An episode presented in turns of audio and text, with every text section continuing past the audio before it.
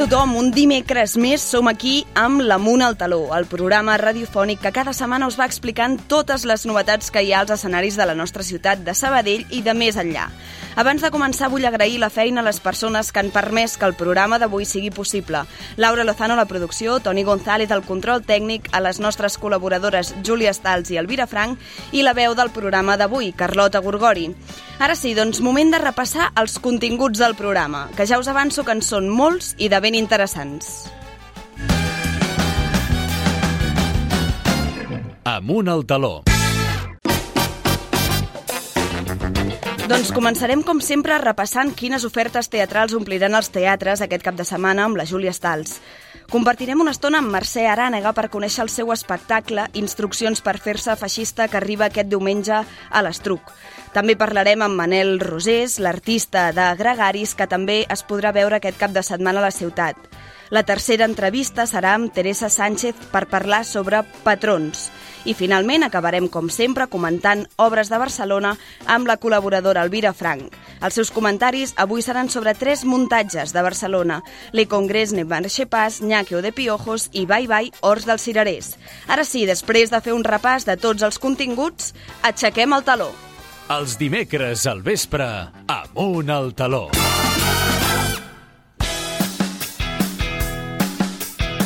La platea indiscreta. Doncs, com comentàvem, agendes a punt i preparats per saber tot el que tenim a la ciutat aquest cap de setmana. Per això donem la benvinguda a la col·laboradora habitual, com és la Júlia Stals. Bon vespre, Júlia, què tal?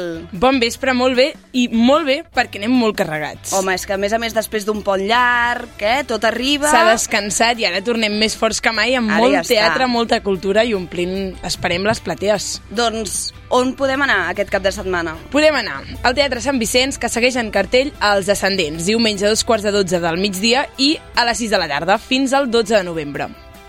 Alguna cosa més? Sí, la faràndula hi ha en cartell Romeu i Julieta aquest divendres i dissabte a les 8 del vespre i diumenge a les 6 de la tarda. Amb què continuem? A l'alternativa presenten joies prestades dissabte i diumenge a les 7 de la tarda. Seguim a la bàscula que representaran l'accent. Aquest divendres a les 9 del vespre i diumenge a les 6 de la tarda. Això ho tenim fins al 29 d'octubre. Per tant, tampoc triguem massa, que no queda tants gaire. dies, el temps passa ràpid i se'ns acaben després les entrades i els dies per anar-hi. I ara parlem de l'Estruc, que aquest cap de setmana va fort. Comptarà amb la inauguració del Festival Sabadell Escena amb l'obra Història d'un seglar, demà és a dir, demà, apretem ja l'agenda, que és demà dijous 19 d'octubre a les 8 del vespre. En aquest mateix festival també representaran les dues estacions de Vivaldi aquest divendres a les 8 del vespre. Al Museu d'Art de Sabadell, vigileu amb les ubicacions que van canviant, representaran cartes a mà alta aquest diumenge a les 12 del migdia. I al Museu d'Història de Sabadell, que és diferent del Museu d'Art, patrons a dos quarts de sis de la tarda i instruc instruccions per fer-se feixista, que sí que és a l'Estruc, diumenge a les 7 de la tarda. Molt bé, ens queda algun lloc d'aquesta agenda o ho tenim sí, tot ple? queden dos teatres encara. Doncs som-hi. A l'Espai Àgora interpretaran Mots en joc aquest dissabte a les 7 de la tarda. I per últim acabem el teatre principal que estrena Atemptat, dissabte a les 8 del vespre i diumenge a les 6 de la tarda. Molt bé, per tota aquesta gent que potser s'ha perdut enmig de tantes propostes, Sí. on poden trobar tota aquesta informació? Com sempre, recordem que es pot trobar gran part de l'oferta cultural de la ciutat a l'aplicació Sincronitzats, que està disponible a iOS i Android, i a la web de Sabell Cultura també ho podem trobar tot, i no ens perdrem cap oferta cultural de la ciutat. I si no torneu a tirar el nostre programa i tornareu a escoltar la informació. Evidentment. Doncs moltes gràcies, Júlia. Ens veiem la setmana que ve. A vosaltres, bona setmana.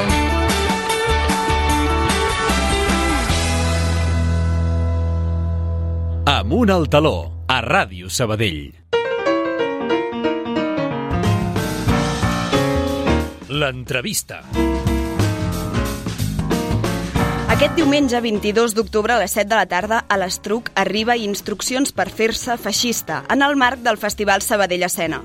Un text de Miquel Amurgia interpretat per Mercè Arànega, un text que ens fa reflexionar sobre la perillosa propagació dels populismes en les nostres ciutats. Doncs sense més preàmbul, donem la benvinguda a Mercè Arànega que ens acompanya per parlar-ne. Benvinguda Mercè, què tal? Hola, moltes gràcies, molt bé, esperant de poder venir aquí a Sabadell a fer la funció, que en tinc moltes ganes. Primer agrair-te que puguis parlar una estona, una estona amb nosaltres. Doncs, De res, home, un plaer. doncs mira, per conèixer una mica més l'espectacle, en Sergi Pompermayer va fer l'adaptació del text, del text original de, Exacte. de la Miquela, per Sí. portar-lo a l'escenari, Sí. per fer-lo teatral. I ell mateix diu que el text explica el feixisme des d'un lloc on tots hi podem caure. Mercè, tots Sí. tenim comportaments feixistes en el nostre dia a dia? A veure, eh, comportaments eh, feixistes mm, grans obertament no, però sí que a vegades tenim petites coses que no ens en donem compte i que, eh, que fem, que sí, no sé, per exemple, jo què sé, dius, ostres, a mi no, jo no tinc res contra els immigrants, però és que a la meva escala sempre fa olor de curri. I això és pels moros. I dius, bueno, però si fa olor de rostit ja no et queixaries. No sé, són petites coses, saps? Petites, petites coses que fa que, bueno, que sí, que tinguem petits comportaments que no ens en donem compte, eh, però... I que a vegades que sí són... que contribueixen. Exacte, i que Sí. són perillosos, perquè Mm, sí. estan dits a vegades des del reconeixement de que no ho som, però, no? I a vegades això fa que la bola sigui una mica més gran. Um, Sí, i avui no sé, sí, no sé què estava llegint també que deia el, el fet de, de, de no, de no tenir-los en consideració, de pensar que això és una cosa històrica que ja ha passat i que no tornarà a passar, eh, això és molt perillós, saps? Perquè això fa que s'envalentonin a dir no, no, si creuen que el feixisme ja no existeix, el feixisme és una cosa que tenim aquí a la cantonada, ho estem veient, cada cop n'hi ha més a Europa, a, a tot arreu. Vull dir, sí, és una sí. cosa que ho tenim, ho tenim ara aquí i ens n'hem de donar compte i ho hem de fer palès. No, no, no ho hem d'amagar, és veritat que hi és. Sí. Instruccions Sí. per fer-se feixista parla del feixisme i se situa en la ironia, en el, en el sarcasme, no? en el, en, en, la, Sí, en el sí, diàleg sí, més irònic i més, sarcasm, més Sí, sarcàstic. sí, esclar, esclar, el que fa la Miquela no és, diguem-ne, fer-nos unes instruccions de veritat, sinó que ho denuncia des de la ironia més gran i des de l'humor. És que si no seria insuportable. Exacte, això t'anem a preguntar. És l'única manera d'arribar a dir algunes frases com les que diu el teu personatge a l'escenari, gairebé? Home, és que n'hi ha de molt bèsties, tot el que diu de les feministes, dels homosexuals.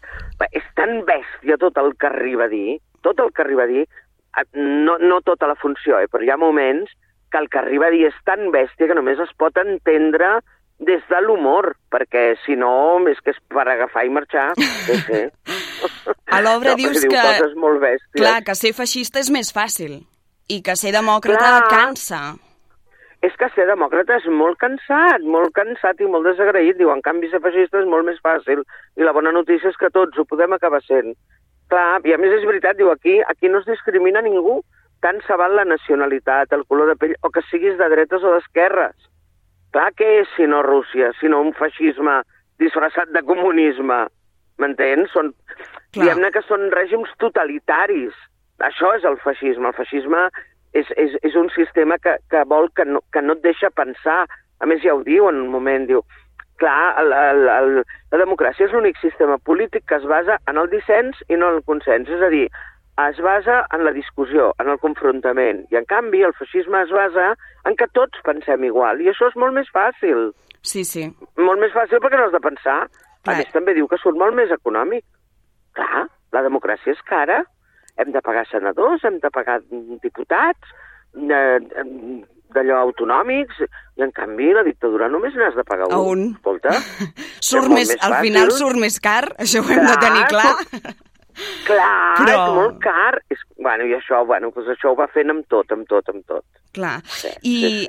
el teatre pot combatre el feixisme?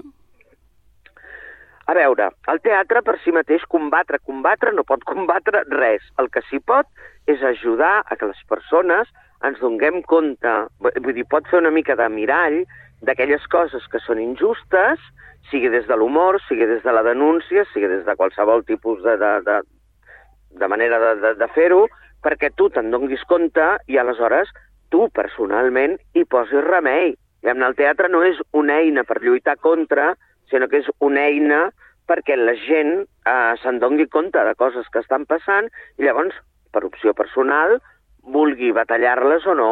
Sí. I creus que amb aquest text has tingut respostes, comentaris d'espectadors que, que es troben en Sí, aquesta clar. situació? Eh, situació de què? De, de... De donar-se en A- a compte veure, amb algunes... Sí, eh, no, donar-se en compte de que el feixisme hi és, la majoria de gent que ho va veure ja ho sap. El que sí s'han donat compte és que a vegades tenen petits comportaments eh, feixistes, petits comportaments. No sé, però sí, l'altre dia, mira, em vaig trobar uns mo- molt divertits aquí, eh, jo he vist per aquí també el Vallès, i em van parar uns amb un cotxe, diu, ah, et vam anar a venir a veure el teatre, no dels feixistes, dic, i què? I em va fer molta gràcia, em diu, diu que ens hem fet, diu, que us heu fet què? Diu, feixistes? Diu, vam anar amb un matrimoni amic i ells també s'hi han fet. Diu, ho vas fer tan bé que ens has convençut. Evidentment, era una broma, clar, Clar. però bueno, sí, sí. Um, ha una mica més el, en la teva carrera uh, professional, Mercè, al llarg de la teva carrera no és el primer monòleg um, amb el que t'enfrontes. A mi em venien No, al camp mentre el preparava l'entrevista, uh, el, dels que jo he vist, clar, uh, el de Neus Català, Shirley Valentine, ara aquest, Instruccions per fer-se feixista. Mm. Com a actriu, com t'enfrontes a una cosa crec que sí que hi ha un equip a darrere, però a nivell d'escena és molt solitari. Com ho afrontes tu com a És- actriu? Pues, uh, com pots, és, és, és molt sol, clar, perquè et falta la xarxa dels companys. Quan tu treballes amb una obra de teatre que hi ha actors, actrius al teu costat, diguem-ne que és com una xarxa, no? Que saps que allà on no arribis tu o si et quedes clavat o alguna cosa, els altres et trauran d'allà. I en aquí no, en aquí només comptes amb tu, però vaja, ho has d'intentar, has de tirar endavant, també són més curts, i, i en aquest concretament, com que parlo directament amb el públic, una mica el que faig és que m'agafo com que la meva xarxa sou vosaltres. És a dir, no em sento tan sola, Tan sola. perquè eh, és com una stand-up comedy, saps? Mhm. Està fet com, com algú que surt per fer un, això, un club de la comèdia. Exacte. I aleshores, doncs, parlo amb vosaltres, us explico... És, és un monòleg, és teatral, però està fet des d'aquest altre vessant, que és més de, de la- d'això, dels clubs de la comèdia aquests. És una mica el que va... en- Com ho va voler transformar el... el ai, això, el Pomper, el Pompermayer, que és una mica també em sembla que li va demanar el Miquel Gorris, que és el director, Clar, que el Miquel tenia la idea de que volia fer-ho així. Llavors, quan es va posar en contacte amb el, amb, amb el Pomper, amb el Pompermayer, doncs, entre tots dos van decidir donar-li aquest aire, que el text no el té. A més, el text Clar. és, és més llarg, és Mhm. més complexa, i bueno... En, en aquest cas, el personatge que, que interpretes també és Mercè Arànega, no la mateixa de fora de l'escenari. Uh, com és això, per això, de- de- d'interpretar-se una mateixa, però a la vegada no, i sobretot en aquest text arribar dient coses tan bèsties com el que dèiem? Com et separes d'això? Ah, home, em separo totalment perquè no... Clar, no però comprego també has de trobar algun, algun vincle, alguna cosa que, Clar, que et mogui. ah, Bueno, doncs com sempre que, que quan fem teatre, a veure, si jo faig una reina en teatre o una puta, mm, van perdó l'expressió, una prostituta, no sóc ni una cosa ni sóc l'altra, ni sóc monja. Mm, per tant, en aquí és igual, no sóc feixista tampoc, saps? Vull dir, faci el personatge d'aquests... Parlem de personatges extrems, Sí, que tenen discursos extrems, siguin religiosos, polítics, o... doncs et poses en el cas de com jo, amb, amb la meva veu, amb els meus gestos, amb la meva ànima, com ho defensaria si ho hagués de fer. I fas això, et poses al servei d'allò. Però no vol dir que ho siguis tu, perquè jo no sóc ni monja, eh, ni puta, ni feixista, ni reina, m'entens? clar. Em sembla que és el mateix, no? No sé, no ho trobo molt diferent fer posar-me a la pell d'una feixista que la de qualsevol d'aquests altres personatges. Clar, suposo que, hi els tinc. espectadors que, que no tenim tant um, experiència o tan, tan vista la part vostra de darrere de la creació del personatge i tot a vegades sorprèn, no? És allò que impacta quan veus una persona, això, amb personatges tan extrems, doncs com arriben, um, i sobretot en Clar, teatre, doncs- que és en viu, eh? Que, és, que els veus allà sí, i però que... no, no cal que tu creguis que ho ets, només cal que posis la teva veritat, la teva veu, la teva funcionalitat, la teva fisicitat al servei d'aquest personatge i ja està, i ja t'has convertit en aquesta feixista, en aquesta, en, a- en aquesta reina, amb, amb això, perquè ja has posat la teva veu, el teu cos i les teves emocions al seu servei i ja està. Per Sí, sí. tant, estàs fent allò, però no vol dir que tu ho siguis. No, senyal de la teva gran experiència darrere que a nosaltres ens arribi aquesta... Esperem, esperem Exacte, que sí que sí, sí, sí. Esperem que sí. El que pensava és que és un text desgraciadament actual, que ens interpel·la i identifiquem aquests comportaments fàcilment en el nostre entorn, desgraciadament, i jo també Sí. pensava, i normalment quan hi ha una situació política, social, en què hi ha un augment del feixisme, com és el que vivim avui arreu d'Europa i arreu del món, el sector de la cultura és el primer en veure gairebé les seves conseqüències. Per què creus que és així, Mercè? Ai, no ho sé, però ho ha sigut sempre, eh? Mm, Eh, sí, sí. Sempre s'ha agafat la cultura com a, com a eina de propaganda política d'un partit, des dels cantants, els actors, els discursos... Ja es deia en Franco, aquest és un artista del règimen. Doncs perquè suposo que és el que... Ai, amb el nazisme, perquè eh, l'art, la cultura és una cosa que, que la gent consumeix d'una manera quotidiana. I, I clar, que un règim tingui els artistes a, a, a, al seu costat, doncs fa que tinguin contacte amb el públic. Bueno, amb el públic, amb, amb la gent, amb, amb el poble, Sí. diguem-ne, no? no? Tampoc no, no sóc politòleg, no sé ben bé l'explicació. Bueno, Però, perquè jo crec que al final l'art també hi ha la vessant... la veu, l'art és la veu, Exacte. clar, és la veu, és el que representa. Exacte, I i, moltes vegades el- des de la cultura o des de l'art també s'ha intentat fer uh, una lluita com el que dèiem, o almenys perquè la gent reflexionés o pensés, i això normalment el feixisme no ho vol, no? Clar, a vegada... I no, i no els, clar, i no els volen a tots, clar. Clar. Els interessa un art que no faci pensar, que no faci que només sigui d'entreteniment blanc, pur i dur. Exacte. Sí, sí. Però és curiós com per mi és Sí, sí. la paradoxa del feixisme de, de que s'omplen la boca de llibertat i a la vegada, no? Després Ah, veus bueno, aquestes clar, coses sí, i dius, sí. realment... Sí, però sí, sí, és que hi ha un moment a la funció que ja ho dic, dic, uh, Orwell va dir, el dia que el feixisme arribi a casa nostra, ho farà en nom de la llibertat. I mira, ara, és veritat, ara veus Sí, tots sí. els partits de Vox s'omplen la boca parlant de Exacte. llibertat. Per l'amor de Déu, i dius, però què esteu dient? Sí, sí, i arriben Sí, i sí. després tot el que són són censures o lleis que si te les Sí, analitzes... és una mentida, és una mentida, Una mentida. darrere d'una altra. És una mentida darrere d'una altra, bueno, Sí, sí. sí, sí. Mercè, se'ns acaba el temps. denunciar i els hem de Exacte, això sí, sempre. Des de la ràdio, des del teatre, des de Des d'on sigui. falta. I això, això ho farem, això ho farem. Mercè, se'ns acaba el temps i ens sap molt greu perquè eh, continuaríem parlant amb tu molta estona, però abans de marxar et volem posar un missatge d'una persona que al saber que t'entrevistàvem t'ha volgut deixar un missatge. Ah, a veure... a veure. Hola, Mercè. Uh, res, volia deixar-te una nota, que just ens vam veure ahir per dinar. Va ser un dia fantàstic, em va encantar passar-lo juntes les tres. I res, dir-te que ja ho saps, que t'estimo moltíssim, que, que estic feliç de tenir-te a la meva vida i res més, que espero que ens veiem aviat. Una abraçada bonica. Ai, l'adoro, l'estimo tant. L'estimo Sí. tant, és el meu angelet, la Mariona Ribas.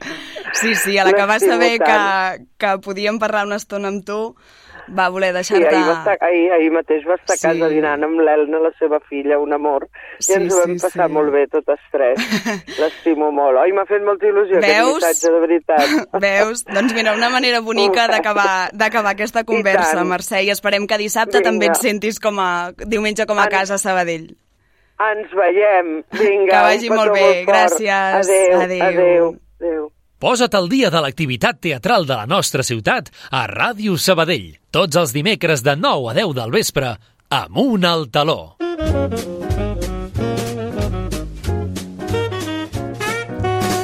La companyia de Circ Sun porta el seu espectacle Gregaris a l'Estruc el dissabte 21 d'octubre a les 5 de la tarda.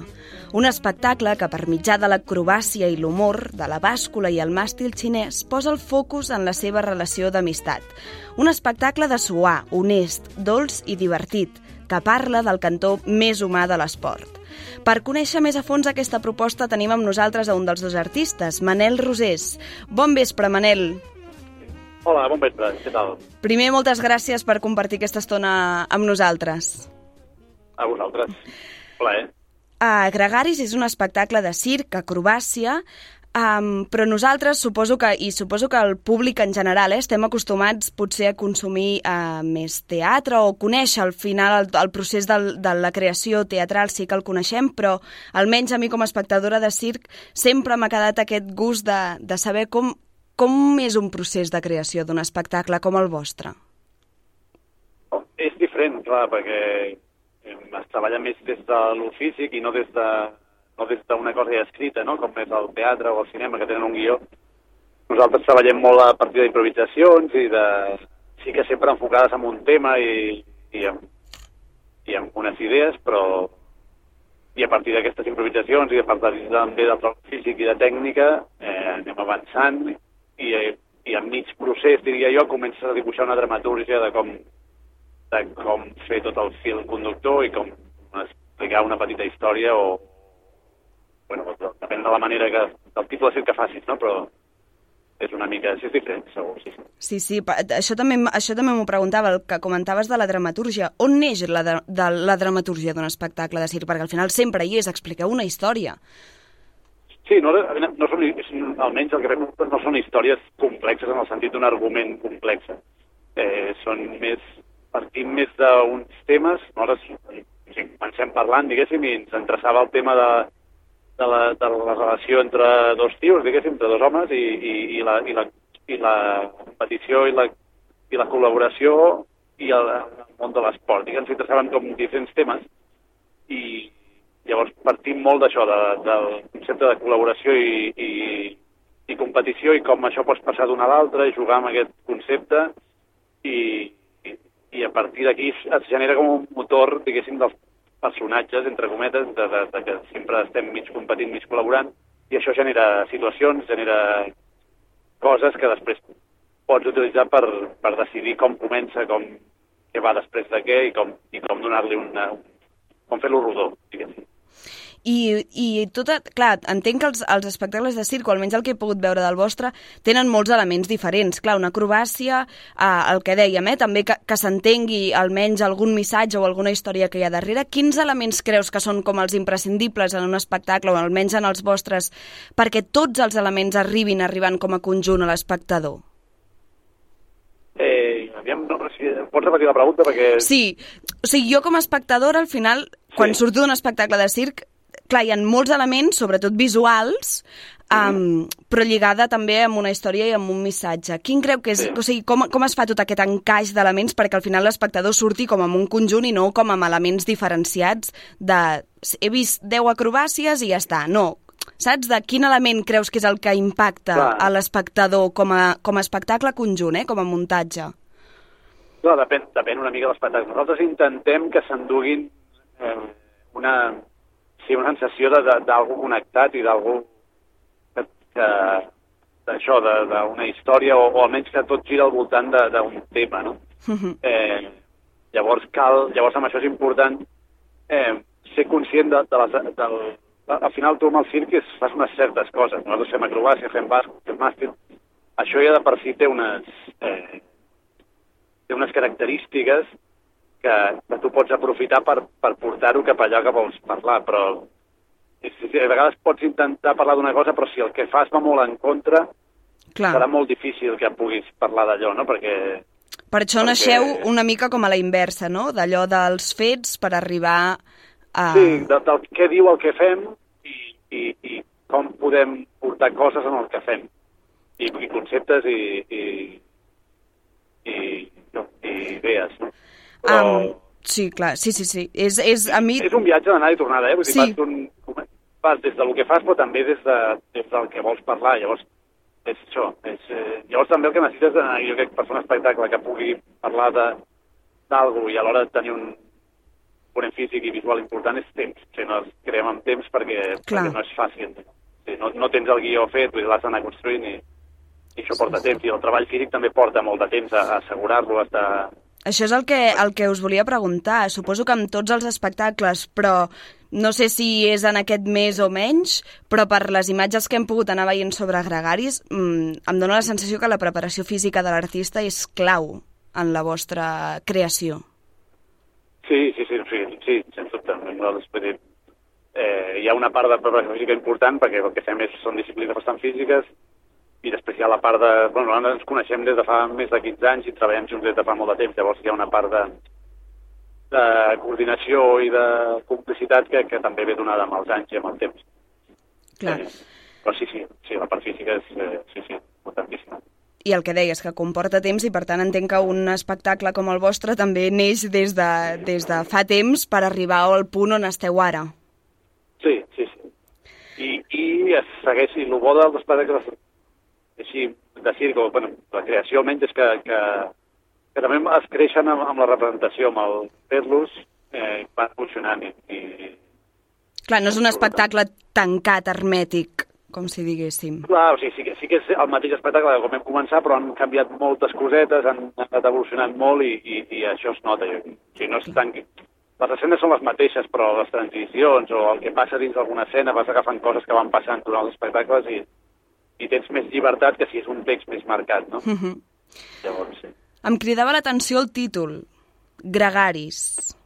D'on surt Gregaris això? és- Doncs mira, bé perquè quan vam començar l'espectacle ens interessava el món de l'esport en quant a en quant a un lloc on, on, on es poden arribar a fer emocions molt fortes, es pot arribar a un neix de catarsis molt alt, no? I ens preguntàvem com arribar aquí, però alhora també volíem com sortir d'aquesta cosa de l'esport heroica i, i que el circ a vegades també hi cau, no? Amb aquesta cosa Uh -huh. de superhome o superheroe, una cosa així. I llavors el Gregaris també, el, el ciclista que, que aquest que va davant, en les curses ciclistes hi ha un ciclista que és el que va davant parant el vent, Uh -huh. que és el, que, el Gregari, que no, que és, que és una, té un rol que mai guanyarà, perquè es tracta de que ell agafi el vent, es cansi més que els que van darrere i després s'aparti i els que van darrere acaben de guanyar. No? Llavors aquesta figura com perdedora de l'esport, entre cometes, ens interessava també per, per parlar de l'esport, però des d'una part més, més humana, més de, de, sí, més d'estar per casa i, i que ens donés més joc, també. Sí, a mi I també... el, ah, sí. Digues, digues, digues, perdona. Digues, No, digues. i després a nivell agregari també, a nivell, diguéssim, eh, de la psicologia, diguéssim, són el, és, és, és un terme que es fa servir pels animals que són les, les abelles, les formigues són gregàries, per exemple, de, de col·lectiu, que segueixen sempre com això, sempre Sí. un grup. I, i, no, I després hi ha altres espècies que són solitàries, com els tigres, i nosaltres, els humans, diguéssim que estem entre dos, les dues coses. Al no? mig. Som socials i etcètera. Llavors també ens, ens interessava de, quan parlem de relacions entre dues persones sempre això influeix, no? El fet de voler estar sol però alhora voler estar acompanyat i bueno, Clar, per mi és... diverses... Sí. El, Digue'm. ara pensant, eh, l'esport um, Mhm. sí que és veritat que té molt, una mica, jo crec que, que el punt mateix on estem nosaltres com a, com a humans, no? Té una part de gregari, sobretot molts esports d'equip, que al Sí, final, sí, sí. doncs el que deia, sí que hi ha una, una col·laboració, una complicitat entre un equip, però a la vegada una competitivitat que t'aparta Exacte. D'això, Sí, sí, sí. no? Sí. I vosaltres parlàveu que volíeu parlar sobre el cantó més humà de l'esport. Sí.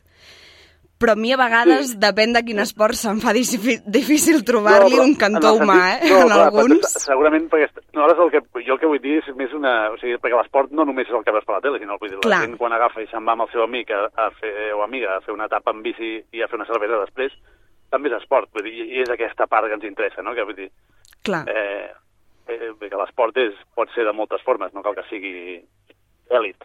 I, i, i, en aquest sentit, i tot i així estàs fent esport i estan passant coses quan, quan dues persones fan esport per fer-lo, simplement. I és el que ens Sí, interessava, també. la vostra companyia surt d'una unió entre Suècia i Catalunya. Sí. D'on neix això? Com surt això, aquesta unió de dos llocs tan allunyats? Val, perquè jo vaig anar a estudiar circ a una escola de... De fet, és una universitat de circ a Estocolm, i perquè aquí a Catalunya, quan... Bueno, no sé encara com està, però mm, és una... A l'escola de circ n'hi ha de superiors i de preparatòries, i en aquell moment de superior eh, només n'hi havia a França, a Bèlgica i a Suècia. I vaig poder anar a aquesta escola a Suècia i vaig conèixer el Niles, que és el, el company de l'espectacle i de companyia, i des de llavors que hem anat treballant. Déu nhi déu El que deies, és segurament un espectacle que també us fa um, reflexionar sobre la complicitat o la relació que ha generat entre vosaltres dos, també. Mm. Sí, sí, perquè les, també les relacions de circ són, són relacions, diguéssim, complexes, diguéssim, en el sentit que hi ha molts rols, no? perquè tens la relació d'acròbata amb acròbata, que necessites la seguretat de, i la complicitat de l'altra persona, però després hi ha una relació en l'escenari també, que a vegades no està tan relacionada amb la part física, després hi ha una relació de companyia, doncs, de, com de dues persones que han de prendre decisions sobre la seva feina. Vull dir que hi ha moltes relacions d'amistat també, perquè fa anys que ens coneixem. Vull dir, Clar. llavors ens interessava també aquest punt. Que xulo, doncs també, també un punt més per, per veure l'espectacle des d'aquest de, des punt de vista. Doncs, ah. Manel, agrair-te molt aquesta estona i poder conèixer una mica més sobre l'espectacle que podem veure a, aquest dissabte a Sabadell a les 5 de la tarda a l'Estruc. Molt bé. Moltes gràcies. gràcies, que vagi molt bé. Us esperem. Adéu. Adéu. Amunt al taló, a Ràdio Sabadell.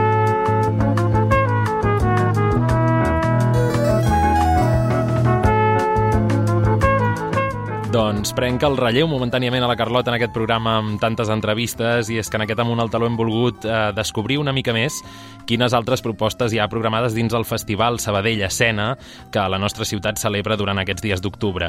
Un dels espectacles que ens ha cridat l'atenció especialment és Patrons, que es representa al Museu d'Història de Sabadell el diumenge dia 22 a dos quarts de sis de la tarda. A Patrons, els objectes d'un taller de confecció de vestits i la seva força simbòlica serviran a la creadora per embastar una reflexió reflexió sobre el rol de les modistes i la visió d'una època sobre els cossos de les dones. Un espectacle de petit format, proper i sensible, que té un nom força simbòlic, eh, té un títol polisèmic, podríem dir.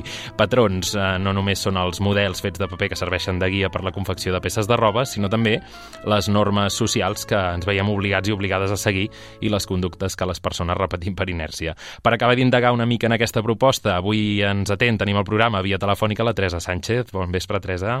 Hola, bon vespre. I et volíem preguntar, primer de tot, d'on neix aquest espectacle, no? I com és que decideixes eh, partir d'aquesta idea de l'art de fer vestits més els comportaments socials, no? Aquesta unió d'idees. Sí, sí. És, mm, l'explicació és perquè la, surt de, de les meves tietes i de la meva mare, perquè bé, el, els anys 70 que elles van viure, que eren uns anys del segle passat, el, el 1970, elles es van trobar a la frontissa d'un canvi generacional no? i d'un canvi de... un intent de canvi de patrons. Eh, sortien d'una postguerra infinita, no? que no s'acabava mai més, amb, amb una religió molt, molt... amb uns costums religiosos molt forts i que, que deixaven a les dones sempre eh, en, bueno, tancades a casa o molt poques treballaven eh, i unes de les que treballaven eren les modistes. Uh, uh, algunes eren uh, solteres perquè, perquè si es casaven doncs perdien uh, aquest estatus de, de llibertat que els donava tenir un negoci propi, encara que moltes vegades fos uh, un negoci en, en negre, un, una economia submergida, mm. però els donava, els donava autonomia econòmica, podien decidir coses sobre la seva vida.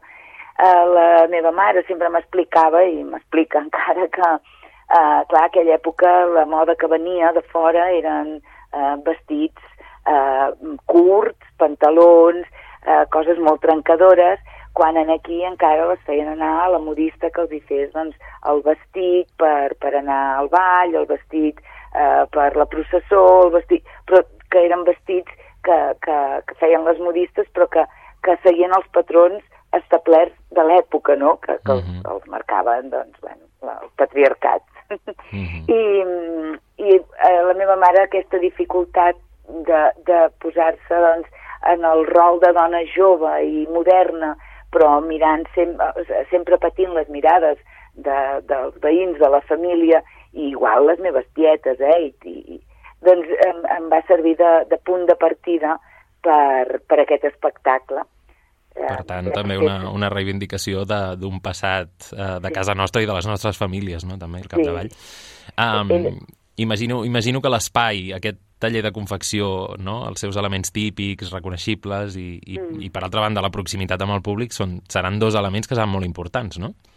Sí, els eh, objectes que surten a l'espectacle són objectes que m'han donat modistes eh, ja grans o famílies d'aquestes modistes eh, que ja estan desaparegudes i que tots tenen doncs, eh, un, un, sim, un simbolisme mm. eh, dins de l'obra, però és molt eh, gratificant quan faig l'espectacle el retorn del públic perquè, clar, trec segons quin objecte i ja sento, ai, un maniguet, ai, no, no sé què, mm. oi, quines tisores, aquestes...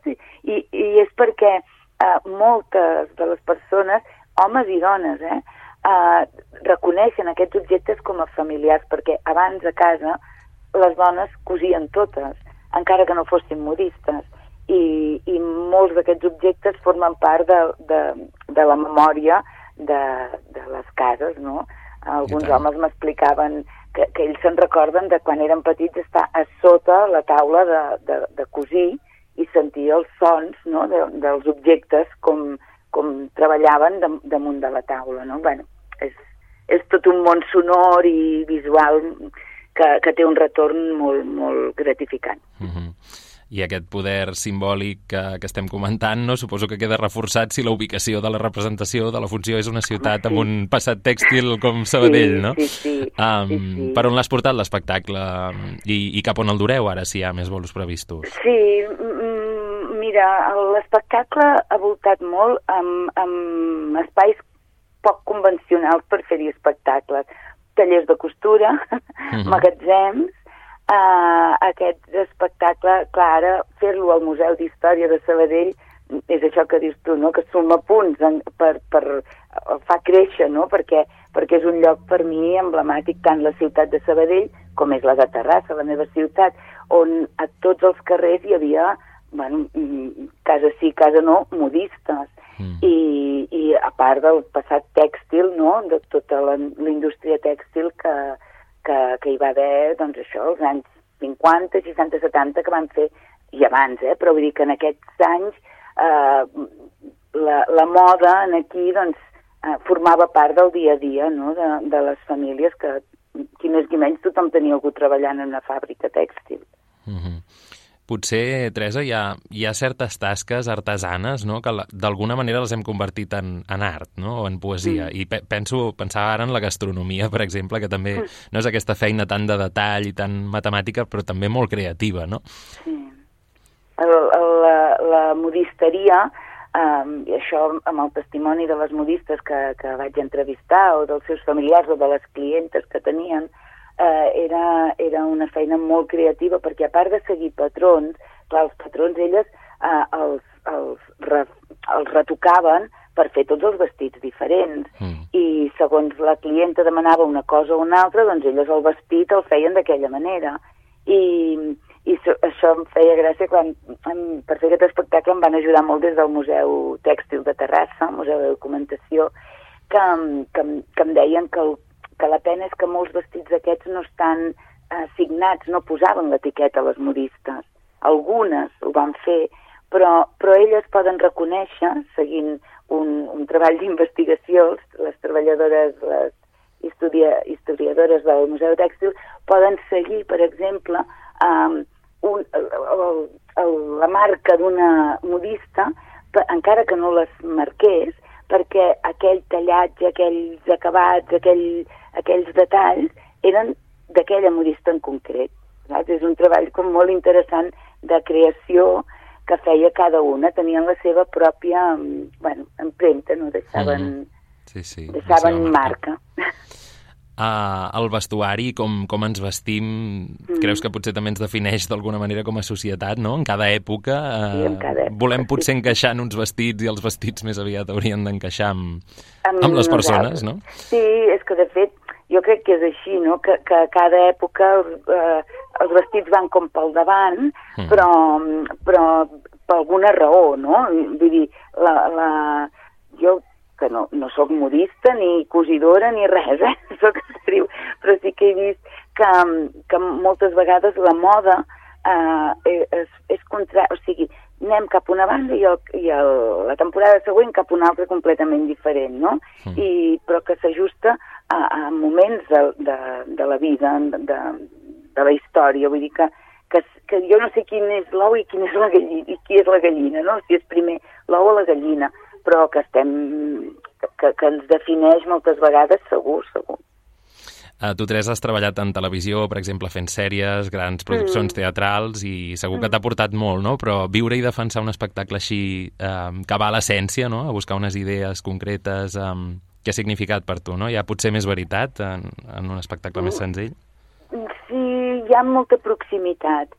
I llavors eh, eh, aquest retorn que et dic, de veure la cara de la persona que tinc al davant, que assenteix amb el cap perquè sap de què li estic parlant. Mm. I, I jo sempre parlo des d'un personatge, eh? no parlo des de mi, però, però el, aquest espectacle i els que acostumo a fer com a creadora parteixen de mi d'una necessitat d'explicar alguna cosa que, que em conec, que, que conec, amb la que connecto molt.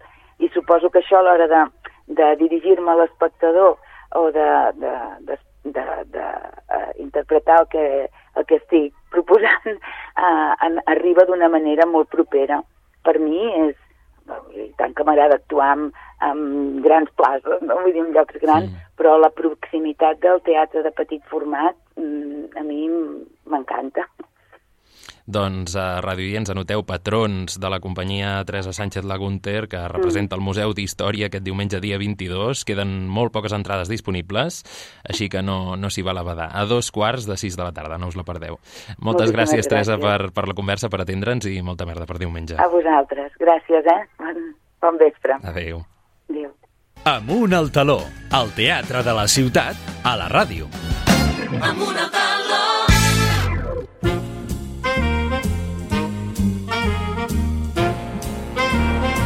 Teatre de Franc.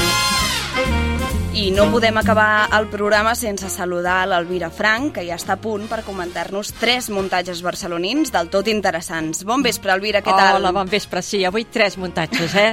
És que s'ha començat una temporada... Ah, ben plena, ben molt plena. plena. i tant. Per tant, Alvira, ens parlaràs de Le Congrés Ne Marché Pas, el Teatre Lliure de Gràcia, un espectacle de l'exitosa companyia La Calòrica sobre el Congrés de Viena de 1814. Sí. També ens comentaràs Bye Bye, Or dels Cirerers, el Dau al Sec, la nova versió del clàssic de Chekhov amb una mirada irònica, còmica i tràgica, Mhm. i també ens parlaràs de Ñaque o de Piojos i Actores a la Sala Beckett, Això la mateix. història de dos actors que passegen la seva pobresa i el seu talent pels camins de Castella. Exacte, ara ho explico. Doncs som-hi, tu mateix, endavant. Comencem per Ñaque o de Piojos i Actores, de José Sánchez Sinisti- Sinisterra, al Teatre Tantarantana. Aquest teatre s'ha sumat als actes de reconeixement al dramaturg, pedagog i activista José Sánchez, que aquesta tardor ha organitzat la Sala Beckett. Un seguit d'espectacles, lectures i activitats sobre la figura d'un dels homes més importants del teatre català i espanyol contemporani en el nostre país.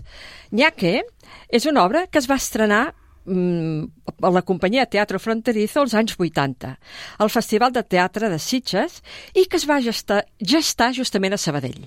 Mira. José Sánchez, Lluís Miguel Climente i el sabadellenc Manuel Dueso van crear els personatges i els diàlegs entre Ríos i Solano per descriure, en certa manera, la precarietat dels seus començaments, els seus també, eh?, com a actors i dramaturgs. Per això es van inventar un espectacle que es pogués representar a qualsevol espai i que la posada en escen- escena no sigui gens cara perquè no tenien diners.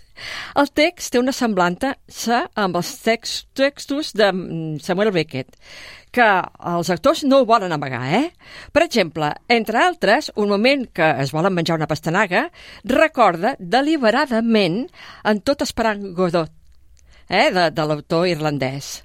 L'obra se centra en les aventures i desventures dels dos actors del segle XVII que representen les seves actuacions en terres castellanes. Però la seva trajectòria els ha portat fins als nostres temps, fins ara, després d'un llarg camí i miserable a través del, del temps. Les condicions dels actors actuals, segons diuen, no són gaire diferents dels d'abans. I el públic diuen que és el mateix uns espectadors que resten muts i impassibles a les seves trifulgues. Una representació minimalista, en gran sentit de l'humor, que els actors Jordi Godino i Joan Martínez Vidal, dirigits per Daniela De Benchi i el mateix José Sánchez, van intercalant en moments actuals i personals amb altres actuacions en peces del segle d'or dels pollosos i antics actors. Una història que també ressalta l'amistat entre dues persones que els uneix la seva passió pel teatre. És bo recordar. Recordar les aventures que passen els actors per poder arribar a representar un muntatge. Aquest, I segurament és el que diuen, que tampoc ha canviat tant No aquest canviat. procés. No. I jo penso que també és una cosa de la màgia del teatre, eh? que admires el teatre i tota la seva trajectòria hi ha els elements que s'han mantingut. Sí, i les persones que s'hi dediquen és per aquest amor al teatre. Exacte. Eh, moltes vegades no es fa per, per No. tenir més diners, sinó perquè estimen el teatre i ho volen fer. Exacte. Aquesta obra es podrà veure fins al 29 d'octubre. Perfecte. Doncs ara amb què continuem? Continuem per Bye Bye Hort dels Cirerers, Som-hi. una adaptació de, i direcció de Mercè Managuerra d'una de les obres més conegudes d'Anton Chekhov, a la sala Dau al Sec del barri del Poble Sec. Una obra força coneguda i que personalment he vist diverses ve- versions. En aquesta ocasió se'ns presenta una lectura només amb els personatges més importants, els principals, seguint principalment l'argument, però en comparació amb la societat actual. El tema, com sabem, és quan una dona arruïnada de l'aristocràcia russa torna a casa a la seva casa familiar quan la finca està a punt d'anar a subhasta. Una propietat que compta amb una gran extensió de cirerers. Però en cap moment ni la propietària ni les seves filles es preocupen per millorar la situació. Volen ignorar tots els problemes econòmics i s'aferren a la nostàlgia dels dies passats en aquell vell hort. Un servent de la família, que ha enriquit, els ofereix la solució de tallar els arbres i construir-hi casetes d'estiueig. Però la mestressa ho rebutja. Aquest és l'argument ben bé d'en Chekhov. Eh? Uh, es barregen assumptes amorosos amb un nou personatge molt idealista amb una de les filles i també el mateix servent amb una altra filla. Però tampoc cap de les dones saben resoldre, fins que finalment han de marxar de la casa sentint-se com talen els arbres. En aquesta versió es fa una comparança amb la incertesa que estem vivint actualment. Canvi climàtic, guerres, per desgràcia, ara en tenim una de, de molt forta, sí. desaprofitament dels recursos naturals, els perills del món modern, d'aquest món que cada vegada és més artificial. Un text que serveix de metàfora del que pot anar passant. S'aniran tallant, com els arbres de l'obra, totes les bones idees, tots els anels, per acabar vivint en un món fals i sintètic? Una escenografia minimalista, sense cap objecte, només unes cadires i algunes filmacions a les parets i de la nau. Un espectacle que els espectadors estan a banda i banda i una il·luminació suau i conjunt que conjunta amb el vestuari de, de tons grisosos. Tot és trist, tot és fosc. L'espai sonor té protagonisme sempre de fons i en alguns moments es recorden cançons actuals. Les interpretacions de les tres actrius i els dos actors són força notables i l'aportació de la direcció i és mesurada i milimetrada. En definitiva, una molt bona versió que, com la d'en Chekhov, té un punt de desesperança. Molt recomanable. La podrem veure fins al 22 d'octubre. Doncs també, pocs dies i Sí, apretat. i A apretat. reflexionar sobre, sobre el nostre futur, també amb els, amb els clàssics, que és el que dèiem, que tampoc canvien els No temes, canvien, eh? no canvien. No canviem les persones. No, no canviem gaire. Som nosaltres que no canviem. doncs som i acabem. Amb una de més alegre. Sí, bastant. Eh? Bueno, mm, També és una crítica. També, també és una També, crítica. L'has bueno, vista, però eh, sí, Carlota? Sí, sí, Just Le el cap de setmana passat, vull dir que... La tens recent. Sí, exacte. Le Congrès ne marche pas. Una producció de la Calòrica, tal com has dit, ho has anunciat, escrita per Joan Iago i dirigida per Israel Solà, Solà al Teatre Lliure de Gràcia. Com sempre, la Calòrica sorprèn, diverteix i al mateix temps critica algun aspecte de la societat. En aquest cas, transporta l'argument al Congrés de Viena de 1814, on, segons diuen, va néixer suaument el nostre capitalisme després de derrotar Napoleó. Una reunió dels grans mandataris europeus, una reunió que es va allargar mesos i que representen que poc es va parlar de política, sinó que va ser una disbauxa de ballar, beure i afers amorosos, poc preocupats pel que passava en el món. Bastanta comparança també, segons com, amb el Sí, que està també, passant. també. Els diàlegs són tots en francès, cada un amb el seu accent particular que els actors i actrius han hagut d'aprendre. Una gran pantalla va traduint el que diuen i una veu en off va explicant el que va passant. Tots parlen diferents accents i idiomes, l'alemany, el rus, menys Xavi francès, que en aquest cas, malgrat el seu cognom francès, eh, representa extraordinàriament a un tronat mandatari espanyol que ha de ser traduït simultàniament. I com a colofó final tenim el monòleg de la Rosa Betalla, l'actriu convidada d'honor, diguéssim, reproduint reproduint en anglès un discurs de Margaret Thatcher. També la mateixa actriu interpreta a l'acompanyant del ministre anglès. Julia Trujol demostra una vegada més la seva versabilitat interpretativa representant genialment un ministre austriac. El sabadellenc, el nostre sabadellenc, Marc Rius, interpreta amb molt aplom a un ministre del Regne Unit. Aitor Galisteu Rocher, molt ben caracteritzat, fa, amb la seva gran figura, que coneixem, el Sar de Rússia. Esther López és una sensual princesa que finalment exhibirà fent de república. I com a noves incorporacions a la companyia intervenen Carles Roig, que representa un ministre francès, Tamara Ndongo, fent una religiosa russa, eh, un ninot, eh, també, un ninot que també és molt important, sí. i la revelació de l'actor Joan Esteve, fent en principi un discret i còmic cambrer amb un final coreogràfic que sorprèn i exalta els espectadors. Els homes fan de dones, les dones fan d'homes, convertint l'espectacle en una disbaixa, una disbaixa controlada completament, eh? La barricada que munten a l'escenari no serà obstacle perquè aquesta nova producció de la calòrica tingui un llarg èxit molt merescut. Estarà en cartell fins al dia 22 d'octubre, però ja des d'abans d'estrenar es van exaurir totes les entrades. Estic segura, eh, per això que la tornaran a programar ben aviat com deies, eh, una dius bauxa, mesurada, i jo, de veritat, que quan vaig sortir vaig dir, és que més, el que més em, em fascina de, dels seus espectacles és mirar-te'ls i dir, quina companyia, o sigui, mm. tot. Tots. Um, tots la, la complicitat que es veu que tenen entre ells i que ho demostren a cada espectacle. Mm. Les persones que entren, que jo crec que se senten com a casa a perquè es nota. Integrats, Cada total. cop i volta són un mes de la calòrica. Mm. Els textos, les direccions, i dius, però qui se li acut fer això i fer-ho tan bé? bé sí, sí, sí, sí, sempre aquesta sàtira, eh? Sí, sí, comparant-la sí. amb els nostres temps. Totalment. I els actors, segons diuen, eh, quan comencen a assajar, el director els deixa fer, els deixa Clar. improvisar. I llavors per això els surt Clar, i tan és autèntic tan... tot. Sí, sí, sí, sí. Meravellós. Sí. Doncs moltíssimes gràcies, Elvira, per les recomanacions una setmana més. Ens veiem aviat. I tant, fins la setmana que ve. Adéu-siau.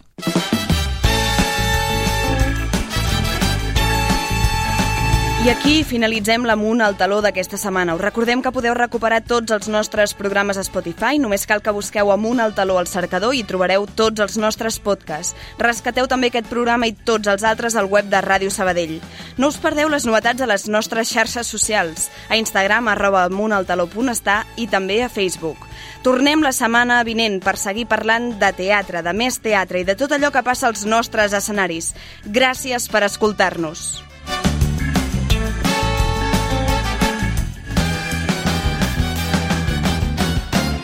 Amunt al taló.